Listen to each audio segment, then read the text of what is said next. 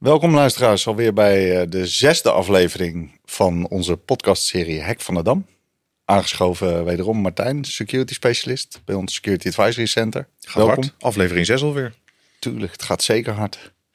En eh, vandaag gaan we het hebben over het eh, Microsoft ecosysteem, over veiligheid en de visie die Microsoft daarop heeft. In relatie tot wat wij aan producten en diensten daaromtrent ook kunnen leveren, denk ik.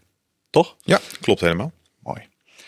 We moeten het hebben over Trump volgens mij. eh Nou, we hadden die natuurlijk een beetje gepareerd als vast moment op de agenda. Maar volgens mij eh, schittert hij een beetje door afwezigheid eh, Hij is momenteel. stil, hè? Hij Ja, is stil. Ik heb dan ook, ja, ik heb wel wat nieuwsitems. Maar ja, sorry Asper, Trump zit er deze keer niet in. Hij maakt geen foutjes. Tenminste, nog niet. Dus laten we hopen of dat dan... het jaar is nog jong. Precies. Misschien moeten we een nieuwe Trump aanwijzen of zo... die eh, bij ons eh, de revue passeert elke maand. Is Misschien leuk voor de idee? kijkers, hè, dat je iemand kan nomineren. Misschien eh, die onder de loep komt te liggen. Want ja, ik verwacht van Trump de komende tijd niet heel veel meer als het gaat om dit soort dingen. Maar wie weet een leuke kijkersvraag. Kortom, even mailen naar podcast.avantage.nl Ja, ja, ja. en dan Geef je slachtoffer nemen we hem mee. Nemen wij het mee. Precies. Eh, een aardige was dat wij eh, nou natuurlijk wel van belang vinden, ondanks alle maatregelen rondom corona die er nu getroffen zijn, dat we deze podcast toch door laten gaan. Waarom? Ja. Met name ook omdat het belangrijk is om mensen toch weer, hè, gezien ze veel thuis aan het werk zijn, ehm, willen blijven informeren over de ja, veiligheidsrisico's die er zijn. eh, Juist ook rondom thuiswerken. Eh, herkennen we daar nog dingen in de afgelopen periode? Of merk je dat er veelvuldig vragen over komen? Ja, je merkt wel vanuit, eh, dat merken we zelf vanuit klanten wel, dat er een hoop vragen komen rondom, eh, van ja, hoe weet ik nu zeker of ik veilig ben? Eh het heeft de focus vooral gelegen natuurlijk op productiviteit en continuïteit. Dus Ja. heel snel tempo, allerlei veranderingen om ook anders te gaan werken. Ja, je ziet dat een hoop organisaties toch nu een beetje zoiets hebben. Ja, die veiligheid, we weten dat we er iets mee moeten. Maar we zijn toch nog wel een beetje zoekende van waar starten we mee en, en hebben we het echt goed op orde? Nou, in sommige gevallen is dat ook wel echt het geval. Eh, maar wat je vaak ziet is dat het inzicht nog even mist van ja, wat, wat ik had, is dat nu nog relevant? Of moet ik misschien aanvullende maatregelen gaan treffen? En dus ik denk ook dat het houden van de podcast nog steeds een, een goede methode is om organisaties te blijven informeren. Want ja, we zijn allemaal thuis gaan werken, maar ja, we hebben er ineens voor sommige organisaties 200 locaties bij in één klap. Nou, en dat dat- zegt toch ook iets over je Precies. voorzieningen die je moet treffen. Ik merk het ook, hè. Wel degelijk vragen die, eh, die daarover zijn. En hoe moet ik dat nou organiseren? Hoe regelen we dat nou? Hoe weten we het zeker? Dus buiten het feit dat ze daar echt wel eh, comfort bij willen ervaren, zeg maar, of het nu allemaal goed geregeld is, dat is één kant. De andere kant dat ze ook eh, de bewustwording nog steeds, hè. Ehm, waar klikken we op? Wat doen we? We zien toch weer PC's die niet van, van kantoor zijn, maar wel weer van thuis zijn. En waar ze dan weer, ja, toch dingen die ze niet helemaal zeker weten te gaan gebruiken. Eh, noem het allemaal maar op. Bewustwording groot, eh, groot goed. Absoluut. Om eh, Maar goed, ook de media speelt daar natuurlijk een hele grote rol in. Hè? Want je Ja. ziet ook heel erg natuurlijk in het nieuws de, de gevallen van ransomware, identiteitsfraude, het lekken van persoonsgegevens. Dat blijft natuurlijk wel een hot item. Dus ook voor organisaties steeds een trigger om toch weer na te denken. En vaak ook de kritische vragen te krijgen vanuit de organisatie van... joh, hebben wij dit eigenlijk wel op orde? Nou ja, je, je zei het al, media, hè? Eh, Een goed bruggetje. Ja, zeker. Eh, een van onze trouwe luisteraars, Lodewijk, attendeerde ons nog op het feit. eh, we hebben een GGD-lek eh, weten ja, te ervaren de afgelopen periode. En daar meldde die van, joh, er is iets met printing of zo. Kun je dat eens uitleggen? Nou, wat we gezien hebben, de GGD heeft natuurlijk een, in die vorm een groot datalek gehad. Eh, ze hebben onderzoek gedaan en er kwam eigenlijk aan het licht dat er een grootschalige eh, verkoop was van persoonsgegevens. Dus mensen die bij de GGD werkten, die dus toegang hadden tot de gegevens, vooral uit coronatesten en dat soort data. Ja, dat daar dus handel in gedreven werd. Dus dat je eh, op eh, eh, groepen van Telegram bijvoorbeeld, hè, zo- zo'n instant messaging app, dat je daar in bepaalde groepen gewoon kon zeggen: ja, ik wil gewoon persoonsgegevens van een bepaald individu hebben. Waaronder bijvoorbeeld zijn geboortedatum of zijn, zijn adresgegevens. En Wat wil men daarmee dan? Ja, kijk, dat soort gegevens zijn natuurlijk interessant voor identiteitsfraude bijvoorbeeld. Maar ook als jij natuurlijk eigenlijk wil weten waar iemand woont. En je weet alleen een naam, maar heeft geen idee wat zijn adres is. Ja, zo'n adres kan ook natuurlijk vervelende bezoekers aan de voordeur opleveren. En dus dat is, ja, dit, dit soort persoonsgegevens is natuurlijk een hele gevaarlijke handel. En wat Lodewijk eh, in zijn mail richting ons natuurlijk ook eh, stelde, is dat de GGD op een gegeven moment zei van nou laten we dan de printfunctionaliteit uitzetten in ons bronsysteem, zodat het in ieder geval niet meer afgedrukt kan worden, die data. En daarbij eigenlijk was zijn vraag van ja, is het nou echt een oplossing voor het voorkomen van dit soort uh, gegevens te Ja, want hoe ging dat in zijn werk? Ze konden, of de medewerkers konden wel die, die spulletjes printen op afstand of zo? Ja, er waren heel veel mensen die uh, in die zin eigenlijk toegang hadden tot alle data in, in dat bronsysteem. Nou, dat is zoiets waarvan je af moet vragen, is dat überhaupt nodig? Moet iedereen overal bijkomen of zou je dat rolgebaseerd willen afschermen? Uh, maar ja, ze konden die data ook afdrukken. En heel veel van die medewerkers zitten natuurlijk ook gewoon thuis. Hè? Want het is natuurlijk ook gewoon een thuiswerkplek. Dus ja, je kan natuurlijk heel eenvoudig een, een persoon even met een druk op de knop op een A4'tje zetten. En ja, verkopen of leveren of aan iemand anders geven. En was het dan ook nodig om dat af te drukken? Hè? Ik bedoel, je, je haakt het al even aan. Hè? Ja, thuis moet je dan thuis die gegevens hebben. Ik snap dat er iets geregistreerd moet worden, maar... Nee, dat, dat kwam met zijn vraag mooi naar voren. En ik denk dat het een hele goede vraag is. Want het, ja, zijn vraag was vooral van ja, zet het, het dichtzetten van zo'n print, printfunctie nou zo aan de dijk. Ja, heel eerlijk, als ik ergens data wil hebben en ik kan het niet printen, ja, dan maak je er een foto van met je mobiel. Of je schrijft het op een klapblaadje, dan heb je het in die zin ook. Kijk, voor degene die het ontvangt, gaat het om de, de waarde van de informatie. En ik denk niet dat hij er veel waarde aan hecht of dat op een A4'tje staat of dat dat misschien een schermafdruk is. Realiseren we ons misschien ook nog onvoldoende. Hè? Bij simpelweg een fotootje maken van gegevens kan natuurlijk ook nog altijd. Nou ja, en probeer daar technisch maar bijvoorbeeld een rem op te zetten. Ja. Dus je moet je vooral in de basis, en ik denk dat dat ook een van de dingen is die hier niet op orde was. In de basis moet je afvragen, had iedereen bij die data moeten kunnen komen? Of wil je dat afschermen? Of misschien moet daar een automatische controle op zitten. Die controleert hoeveel keer per dag jij dat doet. En welke data je bevraagt. Ja. Dus ook weer een teken. Ik denk even in de globale zin. Het is wel natuurlijk onze, persoons, eh, eh, onze persoonsgegevens die daarin zitten. En dat is best een kritische zaak. Ja, kortom, eh, ook hier weer mee voorzichtig mee zijn. Vertrouwen in de mensen die ermee bezig zijn. En een stukje zelfbewustwording als het gaat om hoe gebruik ik die data en wat kan ik er eigenlijk mee? En ook wat voor schade zou ik ermee kunnen aanrichten? Absoluut. Eigenlijk andersom. Hè? Ik bedoel, normaal wil iemand de, de, data hebben. Maar nu moet je eigenlijk zelf bewust zijn van het feit van... ik moet me realiseren dat ik ook wel met gevoelige data aan de slag ben. Ja, het is natuurlijk ook de integriteit van de medewerker zelf. Ik heb het vanochtend nog even opgezocht. Inmiddels is er 30 man ontslagen naar aanleiding van het onderzoek wat ze ingesteld zijn. En zitten vijf man, is uh, vijf verdachten zijn opgepakt. Dus er is ook wel aan het licht gekomen dat het natuurlijk niet een aantal individuen zijn. Maar dat er 30 man op straat staat, zegt ook natuurlijk ook iets over de omvang van dit soort zaken. Ja. En dat, uh, ja, ik denk dat de grote oorzaak ook ligt, en dat zie je ook in de media naar voren komen, in het feit dat dat systeem zo snel natuurlijk uit de grond getrokken is, uh, en neergezet is en, en nu zorgt voor 4500 registraties per dag. En de vraag is, was dit systeem in zo'n kort tempo hier klaar voor? En ik denk dat daar in de basis uh, het grootste probleem zit. Voldoende getest, voldoende uitgeprobeerd, totdat je uiteindelijk live kunt met dit soort uh, applicatieve. Het is begrijpelijk, maar ja, de vraag is: is het goed wat, waarvoor er gekozen is uiteindelijk? Ja, precies. Um, even een volgende stap. Uh, ik heb hier staan Bug Bounty. Ja, dat is even een. Daar een, een even mee helpen, ja. ja, dat is een leuke die onlangs uh, voorbij kwam. Hè, want die, je ziet af en toe in het nieuws natuurlijk de dingen die je wel verwacht. En af en toe ook wat leuke dingen voorbij komen. Uh, er is laatst een evenement geweest, uh, to On. het idee daarachter was vooral van. Ja, als je als fabrikant of leverancier van software nou mensen uit wil dagen om een lek te vinden, dan kunnen die security onderzoekers daar toch een leuke bonus mee verdienen. Nou, in dit geval kwam er bijvoorbeeld naar voren Teams en Zoom, wat natuurlijk echt hot and happening is vandaag de dag, want de hele wereld werkt op afstand. Ja. ja, als je daar een goede kwetsbaarheid in kon vinden van een bepaald niveau, ja, kon je daar zo'n 200.000 dollar mee verdienen. Ja, dat is niet mis. Nee, dus ik kreeg ook de vraag van ja, is dit nu uh, meer voor de lol of is dit echt serieus dat hier wel en levert dit wat op? Ja, en ik denk dat dit natuurlijk een hele goede manier is voor bedrijven om mensen echt uit te dagen van ja, wees creatief en kom maar met de lekken die je vindt. In plaats van dat ze in het wild uh, gevonden worden. Maar dus eigenlijk ook voor die bedrijven een, een, bevestiging van joh, we hebben het allemaal goed voor elkaar. Hè? En onze ontwikkelaars die zijn aan de slag met uh, kwalitatief goede software maken. Ja. Uh, uiteindelijk anderen laten testen om te kijken of ze daarin kunnen komen. En als er beveiligingslekken weet, gevonden zijn, uh, die bedrijven er ook proactief over informeren van kijk eens, we hebben wat zaken gevonden en repareer het nou. Ja, precies, en die want moet je ook vooral belonen, hè? want daar zit natuurlijk de, de andere kant in. En wat je natuurlijk ziet, een, een, hacker is vaak gewend anders te denken dan iemand die op dat moment misschien de software schrijft. Dus buiten je normale testprocedures is dit ook een hele goede manier om out of the box mensen zeg maar te laten denken en te proberen. Uh, Tesla bijvoorbeeld, die heeft dat ook gedaan. En uh, ja, vond je een kwetsbaarheid in de, in de bekende Model 3, een, een laatste auto, dan kon je daar toch een half miljoen dollar mee verdienen. En dat zijn toch uh, Ja, je zou maar er eentje vinden zo in een uurtje werk. Dat is Maar- toch aardig. Waar moet ik dan aan denken? Kwetsbaarheden? Eh, Nou, de auto me- laten rijden zonder dat je daarin zit of zo? Ik kan me voorstellen dat het niet fijn is dat je de auto kunt besturen op afstand. Maar Nee, ja, op de. Rijksweg ineens je remmen in kunnen drukken, lijkt me ook niet zo'n fijn effect hebben. Dus ja, kijk, aan dat soort kritische eh, kwetsbaarheden, daar is zo'n Ja. eh, zo'n bedrijf natuurlijk wel in geïnteresseerd. Kijk, als jij de ramen open en dicht kan doen, zal dat waarschijnlijk geen half miljoen opleveren. Maar ja, op het moment dat jij de remmen op afstand in kan laten grijpen, ja, dat is toch wel even een dingetje. Ja, dat zijn echt beveiligingsrisico's. Niet alleen maar voor de machine zelf, maar ook eh, voor de Absoluut voor de omgeving. eh. Ja, dat zijn wel eh, kritische kwetsbaarheden.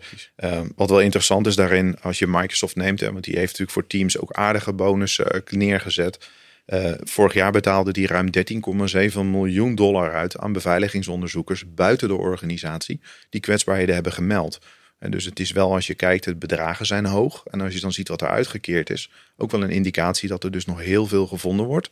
En voortijdig allemaal al opgelost wordt. Maar ja, wel serieuze bedragen enerzijds, maar ook dan serieuze dingen gevonden. Ja. Dat denk, kan ik me dan voorstellen. Precies, en het feit dat zij daar natuurlijk een goede bonus tegenover zetten, stimuleert mensen ook om het weer te melden. En uiteindelijk komt dat onze veiligheid ook weer ten goede. Nou, liever op die manier, hè, met een Ja. goede bonus er tegenover en mensen daar eh, hè, welwillend naar laten kijken, dan dat er inderdaad eh, ongeoorloofd misbruik gemaakt wordt van de lekker. Helaas is dat natuurlijk ook nog steeds, maar dit is wel een heel goed initiatief eigenlijk om mensen echt goed te belonen Ja. voor het melden van dit soort dingen.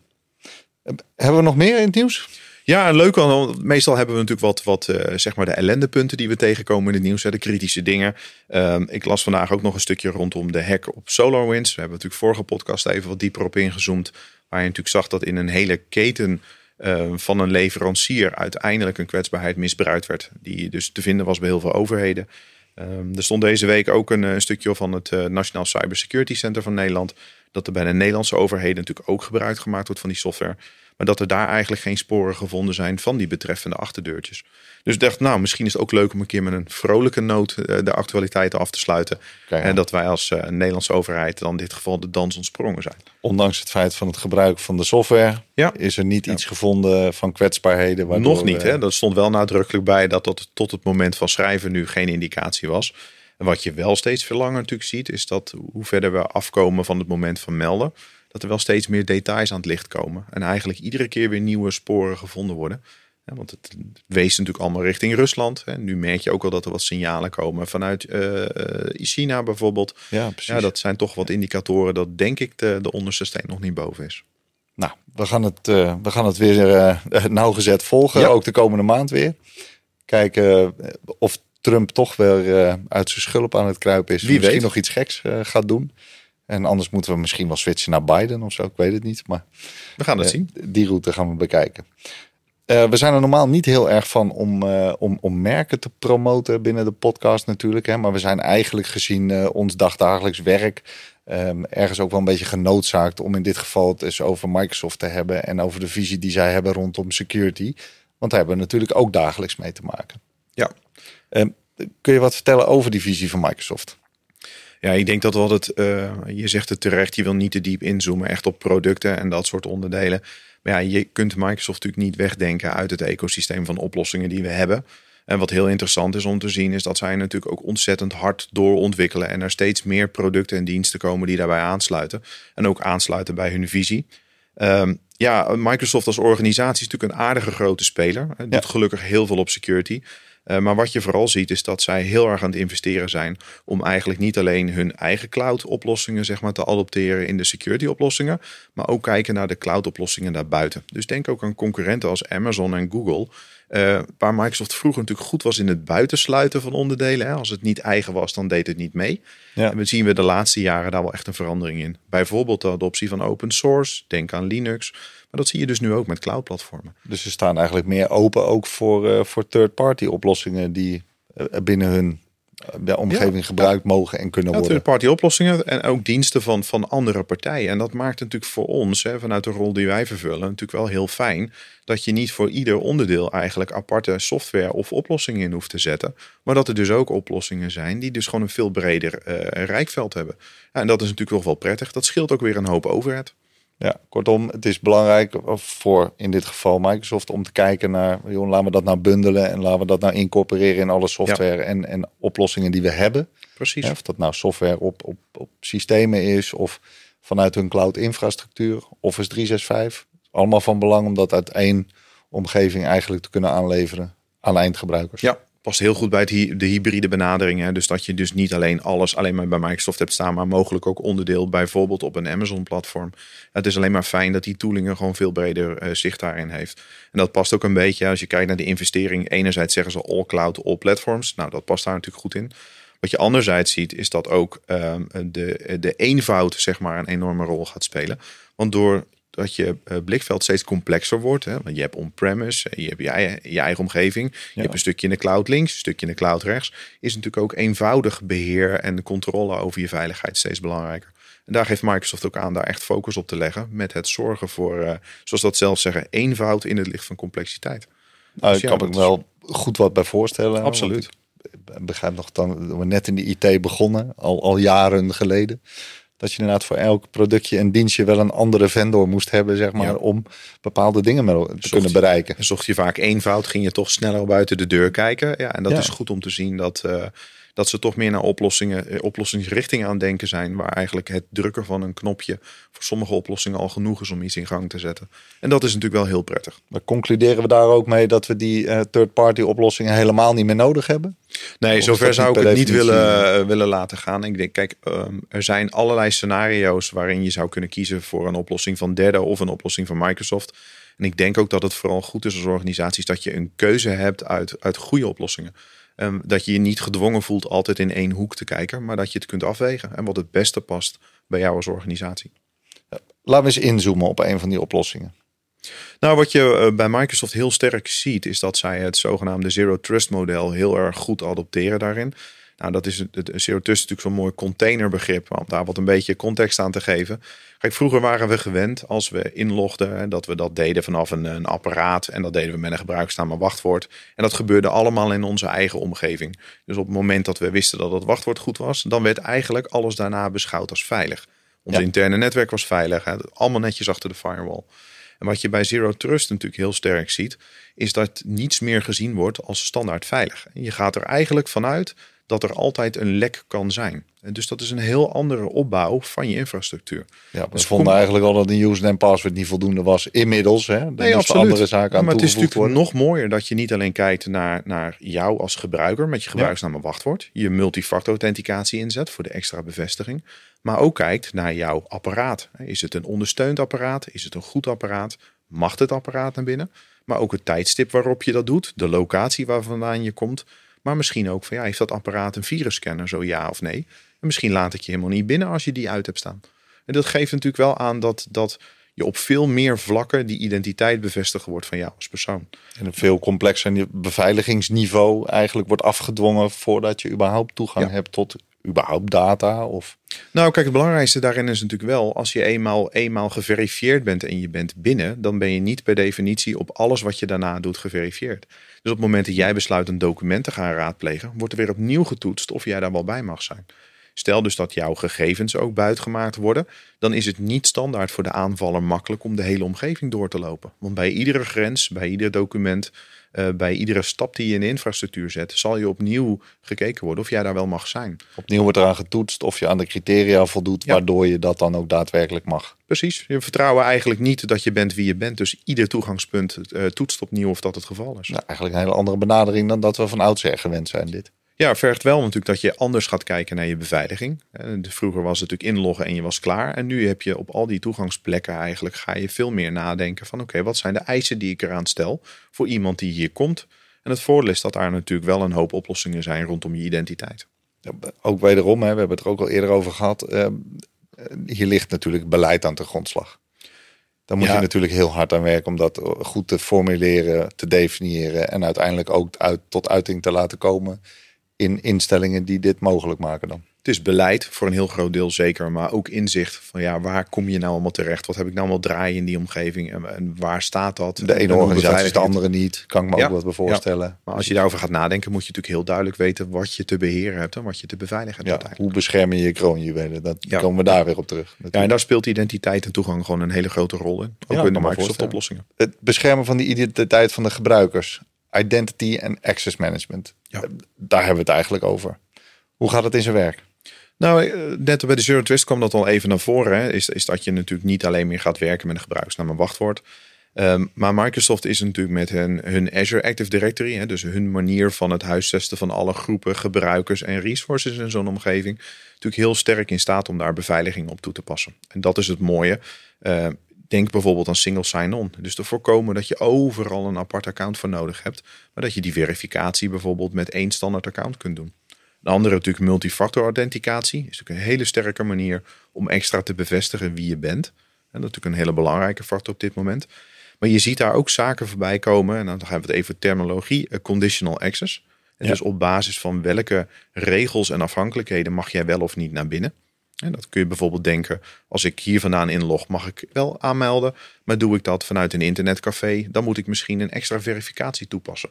Dan kun je een beetje met risico's gaan spelen. En dat is natuurlijk een hele manier, mooie manier om te, om te gaan met identiteit. Kortom, waar je bent en, en hoe dat zich gedraagt, dat proces, dat bepaalt eigenlijk wat je mag. Ja, absoluut. Ja. Uh, een andere bijvoorbeeld ook zijn accounts met just-in-time. Dus bijvoorbeeld als ik nu een beheertaak uit moet voeren, heb ik daar dan permanent een beheerdersaccount voor nodig? Of is het eigenlijk voldoende om mij voor een periode van misschien twee uur die rechten te geven, waarna ik ze automatisch weer kwijtraak? Dat is natuurlijk heel anders dan dat we gewend zijn. En dat is vaak hup, alle rechten erop, je werk doen en in heel veel gevallen vergeten ze terug te draaien. Ja, is voor ons als IT-partner natuurlijk belangrijk dat we ook dat vertrouwen kunnen geven aan onze relaties waar we dit soort werkzaamheden uitvoeren. Precies, en daar zie je wel dat dit soort onderdelen wel uh, middelen zijn om dat makkelijker mogelijk te maken. Want wat je natuurlijk niet op zit te wachten is dat je een grote administratieve romslomp erbij krijgt. Nee, het, het is in dit geval geautomatiseerd. Met andere woorden, beperkte tijd, beperkte mogelijkheden je wel je werk kunnen doen. En uiteindelijk is de veiligheid zodanig weer hersteld. Of terug naar het basisniveau waarin jij niet meer kan wat je Precies. daarvoor wel even kon doen. En het mooie is bijvoorbeeld die accounts met meerdere rechten. Daar zitten dan ook middelen in, in dat identiteit en toegang. Waarmee ik eh, bijvoorbeeld die rechter kan aanvragen aan, aan eh, de beheerder van een omgeving. En dat kan ook door middel van het uploaden van een schriftelijk verzoek bijvoorbeeld. Waardoor het ook voor de logging gelijk weer vastgelegd is. Nou Martijn, voor zover uh, deel 1 volgens mij. We stappen zo meteen over naar deel 2. En dan gaan we verder kijken in het uh, creëren van inzicht en de informatiebeveiliging en non-compliancy. Wederom binnen het ecosysteem van Microsoft. Ja, allemaal weer mooie onderwerpen die daar goed in het verlengde liggen. Tot zo.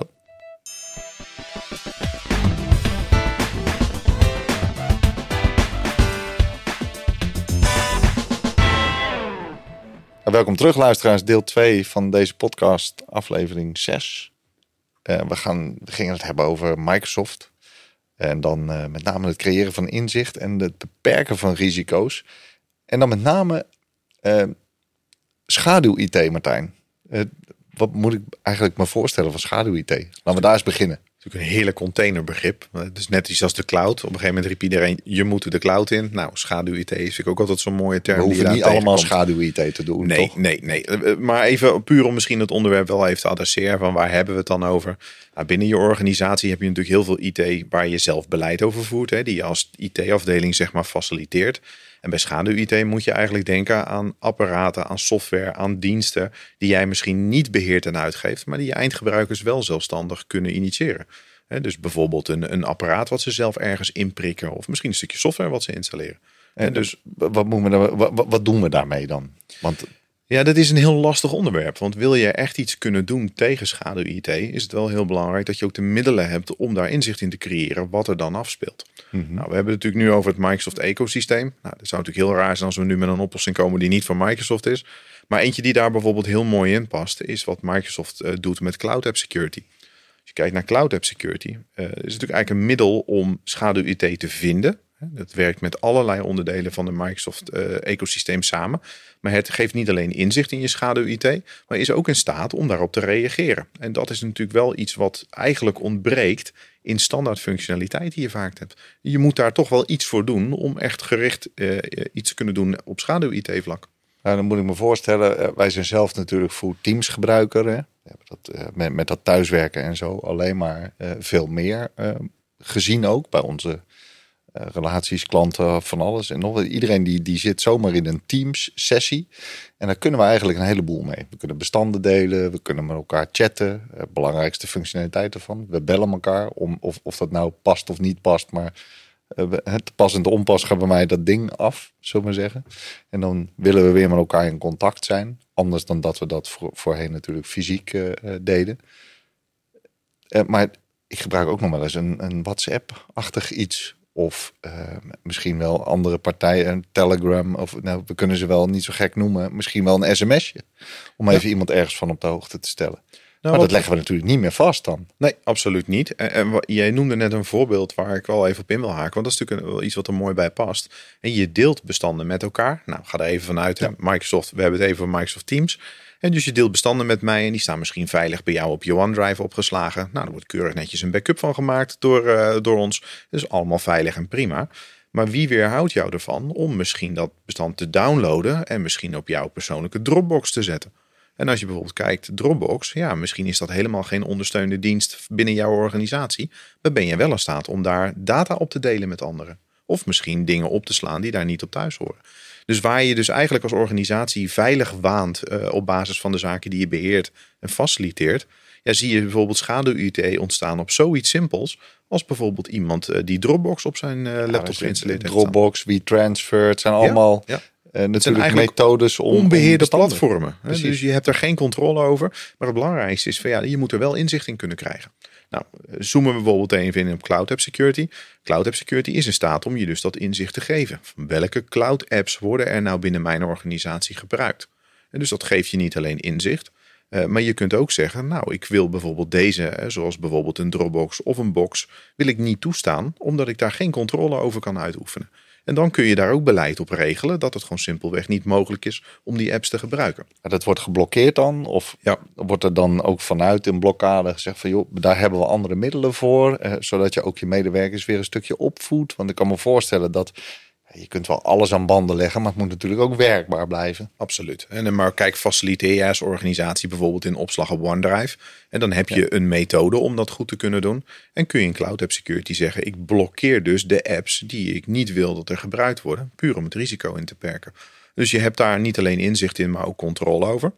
Wat daar ook heel mooi bij is, en dat vind ik zelf wel een van de pluspunten in die oplossing, is dat je ook de reputatie van een app kunt zien. Dus Microsoft laat jou bijvoorbeeld zien of een app uh, ISO 27001 gecertificeerd is. Of die GDPR compliant is. En dus het geeft je ook nog een keer stuurinformatie als je dan een app tegenkomt om daar iets mee te doen. Maar ook om beleid af te dwingen dat alle apps die niet GDPR compliant zijn, misschien geen plek kunnen vinden in je organisatie. Nee, precies. Dus die kun je gewoon niet meer gebruiken dan. Nee, Nee, die of kun je niet voor de bestanden die je dan zakelijk zou willen delen of met andere. Eh, dus het is inzicht. Het, enerzijds geeft het je de mogelijkheid om een controle op uit te oefenen. Uh, het levert je een hoop informatie op. Maar het voordeel is ook dat je ook heel veel zaken kunt laten alarmeren. En dat is misschien ook wel een heel belangrijk aspect. Want je kunt er ook zeggen, als ik nou een nieuwe app vind die ik nog niet kende, dan wil ik daar misschien een notificatie van hebben. Of als er een app gebruikt wordt waarvan ik weet dat die niet betrouwbaar is, wil ik dat ook weten. Ja, dus natuurlijk allemaal middelen om je wat meer controle te kunnen geven over die schaduw-IT. Een beleid schrijf je op natuurlijk, hè, maar dat is een papieren tijger op een gegeven moment. En daar kun je van alles wel in vastleggen, maar dat wil nog niet zeggen dat het gebruik dan ook daadwerkelijk gereguleerd is. Met andere woorden, met deze oplossing zeg je, kunnen we ook dat beleid eigenlijk vertalen naar daadwerkelijk concrete activiteiten en blokkades van, uh, van derde partij oplossingjes. Ja, je kunt ingrijpen. En wat je net natuurlijk al terecht al zei, je wil ook niet dat je simpelweg alles dichtzet in zo'n in zo'n omgeving. Nee, moet wel vaak ook wel lastig. Maar dan is het dus des te belangrijk dat je een notificatie krijgt als beheerder op het moment dat er eigenlijk iets gesignaleerd wordt van Microsoft zegt, het is niet helemaal goed dit. En dat is om een beetje de tegenhanger van het volledig blokkeren. Krijg je hier eigenlijk slimme notificaties die je alarmeren dat er nog eh, werk aan de winkel is. En niet helemaal goed, hè? Eh, ik kan me voorstellen, want ook die partijen die we net noemden, de Dropbox, de WeTransfers, er zijn ook wel gewoon zakelijke accounts daar ja. voor af te sluiten, toch? Het hoeft ook niet slecht te zijn. Hè? Je kunt ook zeggen, ik, uh, ik accepteer die apps en ik heb daar ook beleid voor, of ik heb er misschien richtlijnen voor. En dat is prima. Maar wat je dan wel weer kunt doen, en dat is natuurlijk wel een van de voordelen, is dat je kunt zeggen op het moment dat er nou vreemd gedrag gesignaleerd wordt bij het gebruik van die apps, dus de app zelf is toegestaan, maar je ziet dat daar bijvoorbeeld ineens bulk data gedownload wordt of verwijderd wordt, wil ik daar ook een alarm van hebben. En dan ga je natuurlijk meer de detectiekant op. Dus het dichtzetten is preventief. Dan zorg je ervoor dat iets niet gebruikt kan worden. Maar als je het dan toestaat, wil je ook weten wanneer het gedrag afwijkt van het normaal. En dat is misschien eigenlijk nog wel belangrijker als extra achtervan. Ja, oké. Dus dan is niet eens zozeer de app eh, eigenlijk eh, verboden. Hè? Maar meer het gedrag er naartoe hè? om het elders onder te brengen waar je eigenlijk geen controle meer hebt over de data die je in dit geval helemaal niet kwijt zou willen misschien. Absoluut. Wij hebben het zelf bijvoorbeeld, hè, we gebruiken het intern ook hier. En wat wij zelf gemerkt hebben is dat er op een gegeven moment een alarm kwam van een collega die ineens meer dan 90 bestanden weggooide op SharePoint. Nou, over het algemeen een document of een mapje wegdoen, was logisch. Maar die collega was heel enthousiast aan het opruimen. Dus volledig legitiem, maar wel gedrag wat afwijkt van wat je normaal gewend bent. Dus de notificatie kregen we wel. En er was gelukkig niks aan de hand. Maar ik ben wel blij dat hij eigenlijk voor niks gemeld werd. Want het had ook ransomware kunnen zijn. Ja, en in dit geval kun je het wel goed in de gaten houden. En heb je toch nog uh, kun je maatregelen nemen. Als tweede in, uh, in deel 2, informatiebeveiliging en compliancy. Informatiebeveiliging, information protection. Ook een onderwerp waar Microsoft uh, erg op in, aan het inspelen is. Wat houdt dat precies in? Ja, kijk, we hebben natuurlijk allerlei middelen om uh, te zorgen voor een veilige werkplek, voor veilige toegang, noem het maar op. Maar waar in de kern natuurlijk je ook iets voor wil rekenen, is, of regelen, is natuurlijk echt die beveiliging van die data zelf. En wat je natuurlijk nu ziet met, uh, met de regelgeving, is dat het steeds belangrijker wordt hoe je omgaat met die data en dat die data veilig blijft. Maar ook bijvoorbeeld voor, uh, noem maar wat, ISO-certificeringen. Um, dat je ook uh, werkt met data labels. Hè. Hoe gevoelig is de inhoud van dit? En ook bijvoorbeeld daar beleid op af kan dwingen. En dat zijn allemaal onderdelen die je in de, in de Information Protection Suite eigenlijk van Microsoft tegenkomt. Er zitten een aantal componenten in die dat voor je regelen. Mm -hmm. Maar waar je dus steeds meer kunt regelen rondom de veiligheid echt van de data zelf. En dus dan ga je toch weer wat dichter naar de kern toe, zeg maar, naar je kroonjuwelen. Maar in dit geval bepaal je dus hoe die data zich mag gedragen, uh, waar je die data mag openen en dan vanuit de data zelf. Begrijp ja, maar denk, denk bijvoorbeeld aan uh, als ik een document heb waar een uh, rijbewijsnummer in staat of ja. bijvoorbeeld een, een BSN-nummer. ja, wat vind ik dan dat ik met die informatie mag doen? Want dat is natuurlijk wel een risico op het kunnen lekken van persoonsgegevens. Misschien een mooie aanhaken voor de GGD. Ja. Maar dat is wel waar we het over hebben. Dus hoe voorkom je dat bepaalde informatie geprint, gekopieerd of gedownload wordt? Kortom, op het moment dat die, dat, dat applicatietje of zo dat detecteert, dat dat in bestanden aanwezig is en die herkennen dan die nummers. Moet ik dat zo voor me zien? Ja, je hebt eigenlijk een aantal onderdelen daarin zitten. Uh, enerzijds kan uh, het, het zorgen dat het automatisch voor je gaat labelen. En er zijn natuurlijk een aantal regels die je daaraan te grondslag hebt liggen. Dat je mm -hmm. zegt van ja, wanneer het een rijbewijsnummer is of een BSN-nummer of andere bekende uh, zeg maar formaten van inhoud, dat hij daar zelf een label aan toekent. Dat is natuurlijk heel makkelijk, want dat scheelt je heel veel tijd om documenten te klassificeren. Anderzijds heb je er natuurlijk ook mee te maken als een medewerker een document aanmaakt en opslaat, dat je dus eigenlijk wil dat zij de mogelijkheid hebben om dat document te klassificeren. Is het vertrouwelijk? Is het extern? Is het openbaar intern? Het is natuurlijk wel een manier om aan te geven van hoe belangrijk het document is, maar vooral de inhoud van het document. Dus je werkt met automatisch labelen is een optie. Je kunt handmatig daar iets mee doen. En dan het mooiste aan de achterkant is eigenlijk dat je er ook beleid op kunt gaan voeren. Kortom, dan is het resultaat dat als je er een labeltje aan hangt, het, het document niet zomaar bijvoorbeeld verspreid zou kunnen worden onderling of geprint kan worden of per e-mail verstuurd kan worden. Maar dat zijn heel, allemaal onderdelen daarvan. Maar wat heel mooi is, uh, uh, stel ik, ik wil een document versturen en dat wil ik buiten de organisatie doen, maar in dat document zitten persoonsgegevens dan kan je eigenlijk als, als organisatie besluiten dat je zegt: een document met persoonsgegevens wordt altijd versleuteld verzonden. Oh ja. Dus als ik als, eh, als medewerker gewoon klakkeloos dat mailtje stuur, dan zal het systeem ervoor zorgen dat er uiteindelijk wel versleuteling overheen gaat. Dus ben ik het vergeten, grijpt het systeem in en zorgt dat het wel veilig eh, verzonden wordt. Kortom, dat is een geautomatiseerd beveiligingsprincipe. En daarmee worden we eigenlijk ook weer beschermd, geautomatiseerd. Um, Terwijl er wel bewustwording uh, zou moeten zijn hè, van het feit. Want ook joh, deel dat soort bestanden nou niet. Privacygevoelig. Uh, bankrekeningen, whatever. Weet je, mag je eigenlijk niet sturen. Wil je eigenlijk niet zomaar sturen. En dit zorgt ervoor dat dat dan geautomatiseerd eigenlijk nog versleuteld en of beveiligd wordt. Dus het gaat ja. niet zomaar naar buiten. Nee, en dat is natuurlijk het voordeel. Kijk, je kunt heel veel doen aan de, de zeg maar even onderbiedig gezegd, aan de opvoeding van de mensen die met de persoonsgegevens ja. werken. Maar je wil ergens op de achtergrond natuurlijk ook een mechanisme uh, hebben staan wat ervoor zorgt dat dat gegarandeerd is. En dat ja, in deze, in deze vorm wordt het lastiger om bijvoorbeeld zomaar iets klakkeloos te sturen. Als je als beleid ingesteld hebt dat het versleuteld moet worden. En dus dan weet je in ieder geval zeker als het de grenzen van je veilige omgeving verlaat, dat het beleid toegepast wordt wat je geformuleerd hebt. Kortom, wederom beleid enerzijds, bewustwording anderzijds. Ja, en ook- waar je kunt automatiseren, zou dat natuurlijk te aan te raden zijn.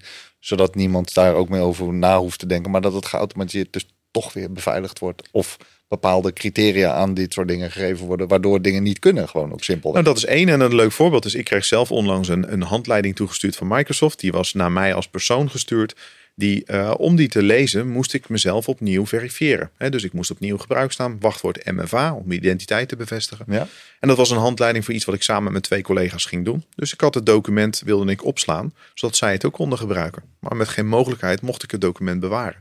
Oh. Ik mocht het ook niet printen, ik mocht het niet bewerken. Dus nou goed, je kent me. Ik probeer het dan op andere manieren voor elkaar te krijgen. Maar het werkte echt heel goed, want ik kreeg het document simpelweg niet geprint. Dus de enige optie was nog een fotootje ervan Nou, dat maken is het uiteindelijk uiteindelijk. geworden. Ja, maar goed, eh, dit is, geeft natuurlijk wel aan wat een krachtig instrument het is. Ja. Kijk, en tegen een foto maken is natuurlijk heel moeilijk om iets te doen. Maar het geeft wel aan dat heel veel ja, menselijke fouten te elimineren zijn. Maar ook heel veel standaard gewoon goed te regelen. Ook voor de medewerkers zelf. Maar het is wel fijn dat wij ook hè, zelf ervaren dat het aantoonbaar is gemaakt. Dat dit soort veiligheidstoepassingen ook daadwerkelijk werkt. Dan. Ja, ik denk dat dat een van de belangrijkste factoren is. Als je ziet hoe het werkt, heb je ook het gevoel wat het doet. Ehm, haken we even terug bijvoorbeeld op Cloud App Security. Nou, dit is nu ook zo'n typisch iets wat daar goed in integreert. Dus ook alarmering kun je ook weer krijgen over hoe er omgegaan wordt met die informatie. Dus stuurt iemand toch iets uit, wordt er ergens een wachtwoord in platte tekst gevonden in een document. Hè, je Oh ja. kent het wel. Ja. Eh, dan krijg je daar gewoon een notificatie van. En dat zijn natuurlijk ook wel hele fijne inzichten. Hè, Dus het is controleerbaar, je kunt er beleid op oefenen, maar het helpt je ook om eh, slimme notificaties te sturen op zaken waar jij actie op moet ondernemen. Zometeen starten we met deel 3. daarin gaan we het met name hebben over threat protection. Het dete- detecteren en reageren op dreigingen. Ja. En we kijken nog even eh, naar eh, een gebruikersvraag misschien. Lijkt me leuk. Tot zo.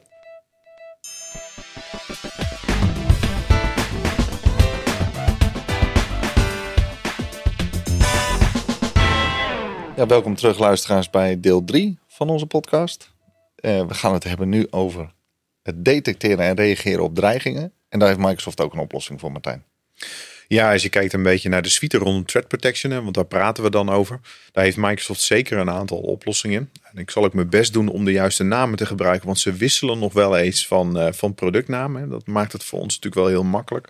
Maar wat we vooral vroeger kenden als de ATP-oplossingen, bijvoorbeeld Defender ATP was een kreet die hoorde je vaak komen, Azure ATP, spreekt Microsoft tegenwoordig over Microsoft Defender in de basis.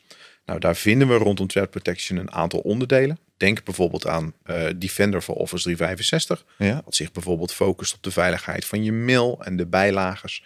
Eh, neem Defender voor eh, Identity, wat meer eh, gericht is op Microsoft Azure. Dus het beschermen van je identiteit, je gelekte wachtwoorden, de risico's bij het aanmelden. En dan hebben we nog Defender voor Endpoint, eh, wat natuurlijk ook een heel mooi iets, wat echt puur gericht is op het apparaat waarop je werkt zelf. En dus daar zie je bijvoorbeeld weer antivirus, anti-malware en meer gedragsanalyse naar voren komen. aantal belangrijke onderdelen die je, die je noemt, hè? een stuk of drie. Eh, maar inderdaad, al die threat protection-achtige oplossingen in eh, die e-mail. Ik herken dat wij natuurlijk e-mail eh, laten lopen door een of andere spam-achtige controlemiddelen en systemen. Ja, gelukkig wel. En hoe werkt dat bij Microsoft dan? Hoe houdt die dat dan veilig? Nou, Microsoft eh, heeft daar een oplossing voor die zij zelf verkopen binnen het Defender voor Office 365 product, zeg maar. Eh, wat je daar ziet is dat daar een aantal onderdelen in zitten. Eh, enerzijds filtert de binnenkomende e-mail, maar ook de uitgaande. Dus er wordt gekeken, bijvoorbeeld zitten daar onveilige bijlagers in die, eh, die Microsoft herkent. Bijlagers worden misschien eh, vergeleken met informatie die zij kennen vanuit al die signalen die Microsoft natuurlijk opvangt, hè, van al die verschillende gebruikers en endpoints. Uh, maar ook bijvoorbeeld een linkje in een, in een e-mail. Dat wordt keurig voor jou herschreven. En op ieder moment als jij als eindgebruiker op zo'n linkje klikt, wordt er opnieuw getoetst of het domein daarachter nog wel veilig is bijvoorbeeld. Natuurlijk allemaal manieren om niet alleen te filteren, maar ook constant bij iedere keer die informatie benaderen opnieuw te verifiëren of het veilig is. En waar zitten deze eh, componenten in dan? Zijn die dan standaard of zijn het aparte onderdeeltjes die je dan nodig hebt om, eh, om dit te kunnen detecteren? Nee, wat je wel heel natuurlijk heel sterk ziet bij Microsoft. Hè, we kennen vaak bij oplossingen van derden is dat het een product of dienst is die je afneemt. Ja. Bij Microsoft is dat hetzelfde, maar daar zie je eigenlijk dat het wel allemaal heel goed met elkaar integreert. Hè, want het is natuurlijk één groot ecosysteem aan oplossingen. Maar dat het wel oplossingen zijn die vaak aan licentievormen vasthangen. Dus neem jij een standaard eh, abonnement in Office 365, heb je misschien uh, licenties voor e-mail erin zitten. Maar dat houdt niet per definitie in dat je ook die threat protection oplossingen daarin hebt zitten. Nee, precies. Dus de functionaliteit enerzijds is er wel, maar Ja. dan de security componentjes, die zouden eigenlijk nog met additionele componenten moeten worden afgedicht. Precies. Zo het is een beetje een bouwstenen concept. Maar het voordeel is wel dat het vaak een, een kwestie is van bijvoorbeeld je licentie aanpassen of een licentie eh, eh, aanschaffen om erbij te zetten. En dan is die functionaliteit zit wel op dezelfde plek. En je kunt gelijk zeggen, joh, ik ga het inrichten, ik ga mijn beleid daarop afdwingen. En, en dan heb je ook de oplossing te pakken. Dat is natuurlijk weer een voordeel versus bijvoorbeeld oplossingen van derde partijen. Waar je misschien of weer ergens anders iets hebt staan of zelf iets voor moet doen. En in dit geval zit het wel allemaal geïntegreerd in, eh, in één oplossing. Ja, precies. Maar dat biedt aan de andere kant natuurlijk ook wel de mogelijkheid om eh, juist wel voor die oplossingen te kiezen in combinatie. eh, dan wel voor die derde partij oplossingen. Ja, absoluut. Kijk, een van de voordelen is ook, eh, nemen we even die Defender voor Office 365 waar we Ja. het net over hebben. En dan steek je in op e-mailbeveiliging. Nou, dat is natuurlijk heel erg fijn. Maar daar zie je natuurlijk ook wel weer wat voordelen versus oplossingen van derde partijen als het gaat om integratie. Want upload jij een document bijvoorbeeld naar SharePoint, kan datzelfde eh, stukje intelligentie ook bijvoorbeeld controleren of dat bestand niet eh, besmet is met een virus of malware. Hè, dus het zit niet alleen in je e-mail, maar je ziet ook dat het de integratie eigenlijk raakt. En dat is natuurlijk een sterk voordeel wat Microsoft wel heeft. En wat voor concurrenten lastiger is om natuurlijk die integratie zo sterk te hebben. Ja, precies. Dus het heeft niet alleen maar waar het bij de een alleen maar van toepassing is op e-mail. Ja. Gaat Microsoft daar in dit ecosysteempje iets verder mee en kijkt ook naar andere manieren waarop dan bestanden in dit geval opgeslagen worden naar de andere ja, portalen of andere omgevingen die Microsoft ook te bieden heeft. Dat, Precies. dat zeg je eigenlijk. Ja, absoluut. En als we ook kijken, want ik noemde even de drie kanten die daarin zitten. Aan, eh, aan de Defender kant bijvoorbeeld. Maar neem even drie dreigingen die je dus in de top 10 bij Microsoft tegenkomt. En dan denken we aan phishing. Nou, dat is natuurlijk iets wat we prima kennen als Ja. zijn een hele eh, veel voorkomende dreiging. Eh, verdachte mailboxactiviteiten en bijvoorbeeld gelekte gebruiksnamen en wachtwoorden. Nou, daar zie je dat voor phishing natuurlijk zo'n Office 365 beveiligingslaag een prima oplossing is. Kijken we naar verdachte mailboxactiviteit, ja, daar kun je ook op gealarmeerd worden. Heeft ook weer integratie met Cloud App Security, waar we het net over hebben. En dus dan krijg je eigenlijk een notificatie als er een rare regel in iemand zijn mailbox aangemaakt wordt. Aha, Dus vind je ook weer een mooi voorbeeld? daarmee? Want eh, gaan we dan versturen vanuit een mailbox of zo? Moet ik dat zien? Verdacht Nou, wat je vaak ziet is als er een mailbox gehackt wordt, is dat er bijvoorbeeld een regel aangemaakt wordt die eh, eh, zorgt dat e-mail doorgestuurd wordt naar buiten de organisatie. Of misschien verstopt dat er iets op de achtergrond gebeurt met die e-mail. Zonder Ja. dat je het merkt. Absoluut. En dus Oeh. merk jij niks van, maar er wordt misschien dat mailtje gelijk in de verwijderde items gezet. Nou, dat soort gedrag, hè, door die goede integratie, eh, kan ook gesignaleerd worden. En ik denk dat dat hele zinvolle alarmeringen zijn die je als systeembeheerder graag wil hebben. Ja, zeker niet. Je wil niet dat dit op de achtergrond plaatsvindt en dat mails zomaar doorgestuurd worden. Nee, precies. Maar neem, neem bijvoorbeeld gelekte wachtwoorden. Hè, op het moment dat jij je verifieert als gebruiker in eh, de Microsoft-oplossing. En er zit natuurlijk Azure Active Directory achter. Op het moment dat je verifieert en ze weten dat jouw wachtwoord een, op de lijst met gelekte wachtwoorden staat, kun je ook bijvoorbeeld zeggen: joh, deze gebruiker, die blokkeer ik gelijk, want het risico is te groot. Dat is natuurlijk allemaal hele mooie voorbeelden van integratie, maar waar dat hele ecosysteem met elkaar kan samenwerken. Kortom, er worden ook direct consequenties aan verbonden op het moment dat er iets mis is. Ja, of bijvoorbeeld gezegd, op het moment dat we het weten, dwingen we bijvoorbeeld een extra verificatie af. Of, of, of gaat MFA anders reageren? Of mag jij misschien überhaupt een applicatie niet gebruiken? Kortom, eh, intelligent. Ja. Hey, en je had het net ook over die endpoints. Hoe krijgen we die nou veilig? Want ik herken het alleen maar eigenlijk van hè, de antivirus was nooit zo heel erg veel besproken rondom eh, hè, wat Microsoft daarin leverde. Ja. Maar inmiddels is het een gerenommeerde partij aan het worden, lijkt het wel. Ja, als je natuurlijk kijkt, Microsoft heeft best wel een tijd een wat slechte naam gehad als het gaat om een antivirusproduct. En dan maken we, eh, spreken we even over Microsoft Defender. Maar hoe kennen we dat? Vooral de gratis variant die natuurlijk standaard mee geïnstalleerd werd met Windows. Ja, dat was heel sumier in de mogelijkheden. Het deed overigens wel prima vaak zijn werk. Maar ja, dat is niet meer te vergelijken met het product wat we natuurlijk kennen in de vorm van Defender voor Endpoint. Wat eigenlijk de zakelijke uitgebreide variant is van die Windows Defender die we kennen. Ehm, als je kijkt hoe Microsoft daarmee omgaat, is het vandaag de dag echt een volwaardige antivirus, anti-malware oplossing. Maar je zit daar een extra component ook gelijk in, wat endpoint detection en response doet. We hebben het in een eerdere podcast natuurlijk al even over gehad. Hè? Dus meer Ja. kijken naar vreemd gedrag. Wat gebeurt er nu? Al die informatie aan elkaar correleren. En bijvoorbeeld zien of er een dreiging is. Die misschien niet per definitie een virus is. Maar wel dat er iets aan de hand is. Nee, dat herkennen we natuurlijk. Alleen een virusscanner is niet meer genoeg, toch? Nee, dat is, we hebben het vaak over gehad. De virusscanner is natuurlijk eigenlijk gewoon een commodity vandaag de dag. Moet je gewoon hebben, maar is eigenlijk geen gespreksonderwerp meer. Maar dan zie je dat Defender for Endpoint eigenlijk wel een volwaardige oplossing is. Ook voor endpoint detection en response. Ja, kortom, dat virusscannertje even terug. Dat, vinden we allemaal normaal. Is gemeen goed aan het worden. En eigenlijk, ja, ik merk het zelf bijna niet meer. Dat er nog virussen gedetecteerd worden. Eigenlijk bar weinig. Nee, ik heb zelf de, dezelfde ervaring. Wat je wel steeds meer ziet, is die geavanceerdere dreigingen. Waarvoor je echt die endpoint detection en response nodig hebt. Die zie je wel steeds meer komen. Maar die worden ook steeds meer inzichtelijk. Juist door de toepassing van dit soort oplossingen. We hadden het net even over eh, of cloud app security en information protection. Die werken dus ook weer heel nauw samen met die Defender for Endpoint. Dus bijvoorbeeld cloud app security. Mag een app niet gestart worden in jouw omgeving? Is het onder water Defender for Endpoint die zal ingrijpen en zegt deze app mag jij lokaal niet starten. Dus daar zie je ook weer mooi die samenwerking. Hetzelfde rondom het opslaan van documenten. Microsoft heeft natuurlijk dan een zichtveld in de e-mail, heeft een zichtveld als het gaat om de informatie en heeft een zichtveld op jouw werkplek. En ja, dat kunnen ze natuurlijk heel sterk combineren. Kortom, we zien eh, dat Microsoft inmiddels ook hè, de verregaande beveiliging zou kunnen bieden. Eh, dat ze daar ook een stuk volwassener in aan het eh, geworden zijn. Eh, zo niet misschien wel op sommige punten heel erg voorop lopen zelfs. Integratie, samenwerken vind je overal terug. Maar toch heb ik het idee dat het allemaal nog steeds wat losse productjes zijn. Het is natuurlijk ondoenlijk om in elk productje te kijken hoe de dingen zich gedragen en eh, hoe we daarop moeten acteren. Welke oplossingen zijn daar dan voor?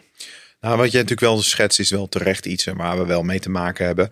Ehm, wat je ziet bij Microsoft is dat zij natuurlijk een aantal onderdelen zelf hebben of zelf hebben ontwikkeld. Soms kopen ze ook een oplossing over wat ze verder doorontwikkelen. Ja. Maar dat zie je vooral in Office 365. Heel veel functionaliteit heeft allemaal nog een eigen portaal. En dus waar we de integratie misschien wel technologisch hebben, is het vanuit het beheerperspectief soms nog best lastig. Want je kunt een alarmering hebben in het ene portaal, in het andere portaal. En op een gegeven moment met een extra dienst misschien wel weer in een derde portaal. Nou, gelukkig is Cloud App Security geeft daar al wat meer mogelijkheden om dat centraal te trekken. Maar wat je daar wel heel erg uit haalt, vooral voor ons als we dat bijvoorbeeld voor meerdere klanten willen doen, is dat je eigenlijk daarboven wel een SIEM-oplossing nodig hebt. Hè? Dus waar je al die informatie en, en, en alerts eigenlijk in gaat onderbrengen. Ja, waar je een beter zicht kunt houden over alles wat er in jouw omgeving gebeurt. En dat is wel weer een van de dingen die het ook soms wel weer lastig maakt om te weten van ja, wat gebeurt er nu echt allemaal in die omgeving. En doen we dat dan ook weer met een third-party oplossing? Nee, ook daar heeft Microsoft een oplossing voor. Hebben we er wel over nagedacht. Absoluut. En gelukkig zie je ook daar dat bijvoorbeeld, maar dat is ook met de losse eh, onderdelen die we net bespraken, eh, kunstmatige intelligentie en machine learning gewoon enorm op ingezet worden. Om ook heel veel van het werk eigenlijk wat je normaal met de hand moet doen, gewoon te automatiseren op de achtergrond.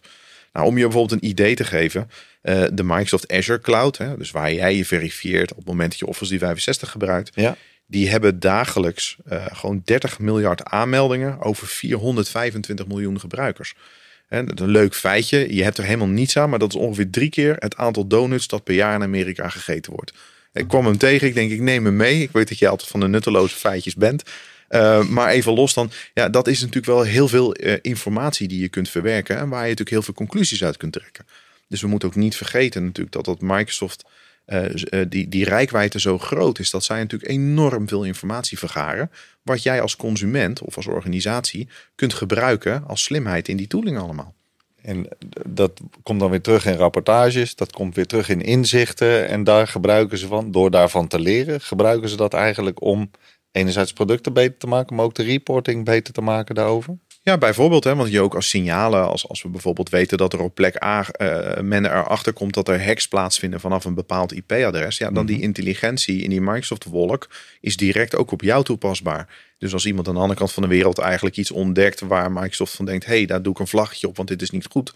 Ja, daar profiteer jij natuurlijk ook gelijk van. Precies, dat wordt meteen dus in de hele wolk gepubliceerd. Dus de rest heeft er ook ja. profijt van op dat ja. moment. Nou, even voor jou ook vorig jaar 30 miljard e-maildreigingen geblokkeerd. Dat zijn even wat cijfers van Microsoft. Ja, het begint te duizelen, maar het 6 miljard geblokkeerde dreigingen op endpoints. Dus dan praten we over antivirus, anti-malware en endpoint detection en response. Ja, al die informatie bij elkaar is natuurlijk wel ook heel waardevol om te gebruiken in een oplossing. Ja. Ga je echt kijken naar de portalen, hè? want ik, ik heb dat zelf ook ondervonden. We zijn best met een hoop diensten, zijn wij ook zelf aan het kijken van hoe kunnen we daar anders mee omgaan. Ehm, neem bijvoorbeeld Azure Sentinel, wat hun SIEM-oplossing is. En dat is natuurlijk wel weer een overtreffende trap van al die verschillende portalen en al die verschillende plekken waar iets gemeld wordt. Een hele mooie manier om al die informatie centraal te kunnen trekken. Want wat doet dat precies? Dat brengt al die applicatietjes bij elkaar? Wat je ziet is eigenlijk, hè, dat, überhaupt in een SIEM-oplossing, en Microsoft heeft daar toevallig ook een eigen variant van, mhm. is dat je natuurlijk heel veel data genereert. Je hebt heel veel e- events, je hebt heel veel informatie, je krijgt heel veel signalen. En eigenlijk wil je die allemaal op één plek samenbrengen. Bijvoorbeeld de uh, log op het moment dat jij je aanmeldt in een omgeving. Ja, die groeit zo hard dat het soms handmatig heel lastig is om, om iets eruit te vissen of om iets raars te zien. Nou, door al die informatie te bundelen en daar eigenlijk slimme tooling bovenop te leggen, kun je dus jezelf veel meer inzichten verschaffen. Die analyseert die gegevens gewoon simpelweg. Ja, en het voordeel is eigenlijk, hè, we nemen machine learning, heel veel van die gegevens worden voor jou geanalyseerd, maar vooral ook gecorreleerd. En dus kijk even naar zo'n SIEM-oplossing. Stel, we koppelen dat met Defender voor Office 365, wat ons natuurlijk heel veel vertelt over de e-mail. Ja. Uh, en we koppelen dat met Defender for Endpoint, waar natuurlijk de werkplek bijvoorbeeld centraal staat. Ja, soms kom je natuurlijk ook dingen tegen die elkaar overlappen. Nou, wat is zo'n SIEM-oplossing? Die is bijvoorbeeld in staat om te zeggen: Oké, ik weet de signalen uit de linkerkant, ik weet ze uit de rechterkant, en die breng ik samen om je een beeld te geven van wat de dreiging nu echt is. Dus daar zie je meer logcorrelatie in.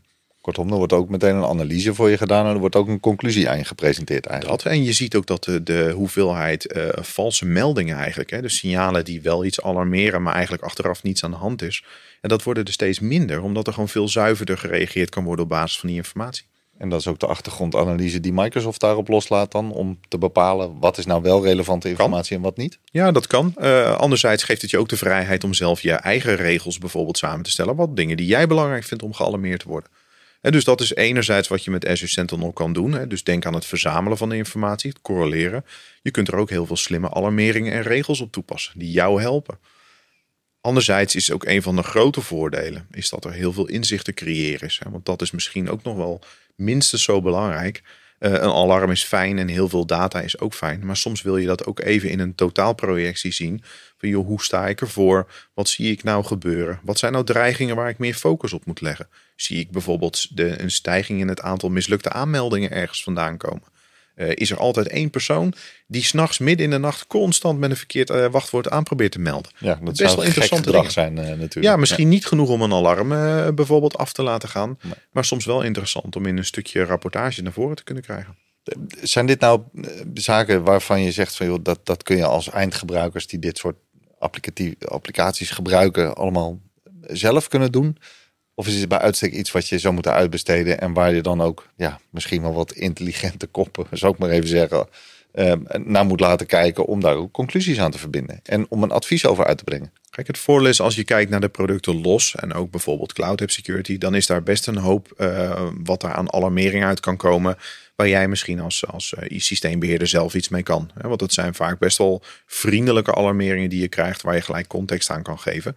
Maar waar het wel wat complexer wordt, is als je natuurlijk heel veel van dat soort oplossingen uh, hebt staan. Mhm. uh, en dat allemaal aan elkaar gerelateerd uh, meldingen gaat genereren.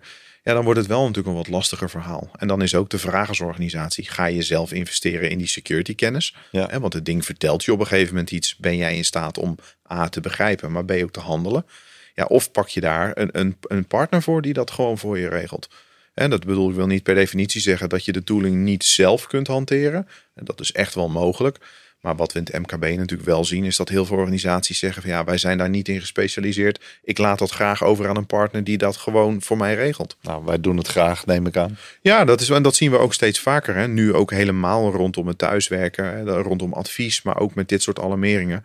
Uh, organisaties vragen ons eigenlijk steeds vaker van joh, eh, neem dat deel voor me waar, maar vertel mij vooral, en dan komt het rapportageonderdeel naar voren, vertel mij vooral wel hoe ik ervoor sta. Ja, want voor een IT-manager is dat ook vaak weer sturen informatie naar de directie toe. Wederom rapporteren en maar ook vooral een advies uitbrengen over wat nog meer. Ja, het is adviseren, want dat kunnen wij. Het voordeel is dat wij dat ook gelijk kunnen doen op basis van al die informatie die je vergaart. En dus je kunt gericht adviseren. Uh, je kunt het rapporteren, maar het is ook voor de organisatie zelf gewoon heel waardevol. Uh, ook bijvoorbeeld voor, uh, neem het advies voor budgetteringen voor volgend jaar. Ja. Voor een stuurgroep misschien met de directie waarin je moet vertellen hoe je ervoor staat. Dus het is echt wel zinvolle informatie. Ja, vanuit beleid natuurlijk ook weer waar investeer ik in specifiek. Hè? Welke onderdelen zijn nou voor mij relevant en belangrijk? En, en waar moet ik eigenlijk mijn volgende euro aan uitgeven? Precies, en dan wil je zoveel mogelijk rendement uithalen. Hè? Want je, iedere euro die je erin stopt, wil je zoveel mogelijk uithalen. En mijn beleid, je haalde er mooi aan. Niet alleen van ja, waar, waar moet ik iets mee investeren voor mijn beleid, maar ook is mijn beleid nog uh, dekkend. Is, omdat ik het constateer, weet je zeker dat dat beleid nog aansluit bij wat je wil. Ja, is het ook nog vandaag de dag relevant? Absoluut. Ja, ook een belangrijke. Nou, Martijn, we hebben allemaal diensten en producten de revue laten passeren van Microsoft. Threat Protection, Azure Sentinel, Cloud App Security, Information Protection. Eigenlijk een hoop uh, te veel om op te noemen. Um, ja, het duizelt natuurlijk, niet mij alleen, maar ik heb wat, wat inzichten gekregen, dus dat is heel, heel prettig. Um, de luisteraarsvraag is niet echt een luisteraarsvraag, maar ik merk bij klanten dat ze ook voor keuzes staan inmiddels. Um, moeten we nou voor de full Microsoft of hebben we die third party um, ook nog nodig? Nou, ik denk dat het een hele goede, maar ook een hele belangrijke vraag is. En ook een vraag die je eigenlijk bij ieder scenario opnieuw zou moeten stellen. Want ik, vanuit mijn optiek is er eigenlijk geen goed en fout. Als je kijkt naar wat Microsoft levert, uh, is, is dat heel uitgebreid op security vlak. Maar ook derde partijen hebben prima oplossingen daarvoor. Dus waar hangt het dan om? Ja, dat is meer jij als organisatie. Uh, wat heb je nu aan IT-infrastructuur? Maar vooral ook de toekomst. Waar ligt je visie als organisatie? Wil jij bijvoorbeeld naar een volledige Microsoft-omgeving met alle integraties? Denk aan Teams, denk aan SharePoint. Ja, dan is het misschien slimmer om de oplossingen van Microsoft daar bijvoorbeeld uh, slim op te stapelen. want dat kan. Je kunt bijvoorbeeld gewoon wat oplossingen stapelen. Maar er mhm. zijn ook organisaties die zeggen: ja, ik neem in één keer de hele licentiestack af van Microsoft. En daarmee heb ik al deze functionaliteit. Ja, waarom zou ik dan nog gaan investeren in oplossingen van derden? Ja, dat is ook we een hele eh, legitieme vraag. Veel klanten die zijn natuurlijk ooit gestart bij ons met een Office 365 pakketje. Ja. beginnend met de of, uh, ter licentiëring van hun Office pakket en eventueel mail uit de cloud. Maar er zaten eigenlijk al die security componenten helemaal nog niet bij. En eigenlijk nog steeds niet. Want nee, je daar kunt als additioneel component natuurlijk kopen. Precies. Maar daar zie je het traditioneel stapelen. Hè? Want dan, dan begin je met iets en dan kun je heel interessante oplossingen van Microsoft toevoegen. Dat kan ook prima zijn van derde partijen. Want vaak werkt dat ook heel goed samen. Maar er zijn als organisaties ook die echt de visie hebben om volledig in die Microsoft Cloud door te gaan. Hè? Dan hebben we meer over het Microsoft 365 oplossing als geheel ja, die nemen we, die hebben al een licentievorm en ook de visie die daarbij aansluit. Ja, dan liggen deze producten en diensten natuurlijk ontzettend goed in lijn met het uiteindelijke doel van de organisatie. Nou, die ervaring hebben we natuurlijk inmiddels ook, hè? Microsoft 365 E5, maar liefst platform, hè? Het, Daar zit het meest alles in natuurlijk. In uh, pakket eigenlijk wat je bij Microsoft kan kopen. Daar zitten al die security componenten gewoon in. Absoluut. En dan is het echt, hè, als, als dat hetgeen is wat je gaat gebruiken, ja, dan is het vrij logisch dat je daar natuurlijk zoveel mogelijk uit wil halen, want je betaalt er tenslotte ook voor. Maar vooral voor de organisaties die wat meer richting bouwstenen gaan, ja, daar zie je dat derde partijoplossingen nog prima in lijn liggen met goede maatregelen rondom het onderwerp. Nou, het was vroeger ook nog wel een, eh, een, een bewuste keuze, zeg maar, hè, om, om meerdere vendoren toch nog uh, te implementeren en dingen aan je te laten leveren. En kan nog steeds, want af en toe zien we ook organisaties die zeggen: ja, wij hebben alles Microsoft Security, maar nog steeds hebben we daar graag een aantal onderdelen bij die onafhankelijk zijn. Nou, laten we daarmee afsluiten. Ik denk uh, weer een hoop geleerd deze aflevering. Uh, vooruitkijken naar de volgende. Uh, we gaan het weer eens hebben over openbare bronnen. Hebben we al eerder ergens de revue laten passeren. Maar nu over de ethische kant ervan. Ja, ik kwam al even een keer naar voren, openbare bronnen. Maar we gaan even kijken van ja, wat zijn dat nou voor bronnen bijvoorbeeld? Hoe kunnen hackers nou gebruik maken van dat soort slimme zoekmachines? Bijvoorbeeld voor apparaten of voor personen. Maar ook ja, hoe als organisatie heb je daarmee te maken? Wat kun je ermee? Wat is de impact ervan? Ja, en, en wat moet je daar misschien wel eh, tegen doen als organisatie? En kun je er iets tegen doen? Kun je er tegen beveiligen? Ja, dat is denk ik een heel mooi onderwerp. Nou, ik ben weer zeer benieuwd. Uh, Martijn, bedankt voor deze aflevering. Graag En graag weer tot de volgende keer.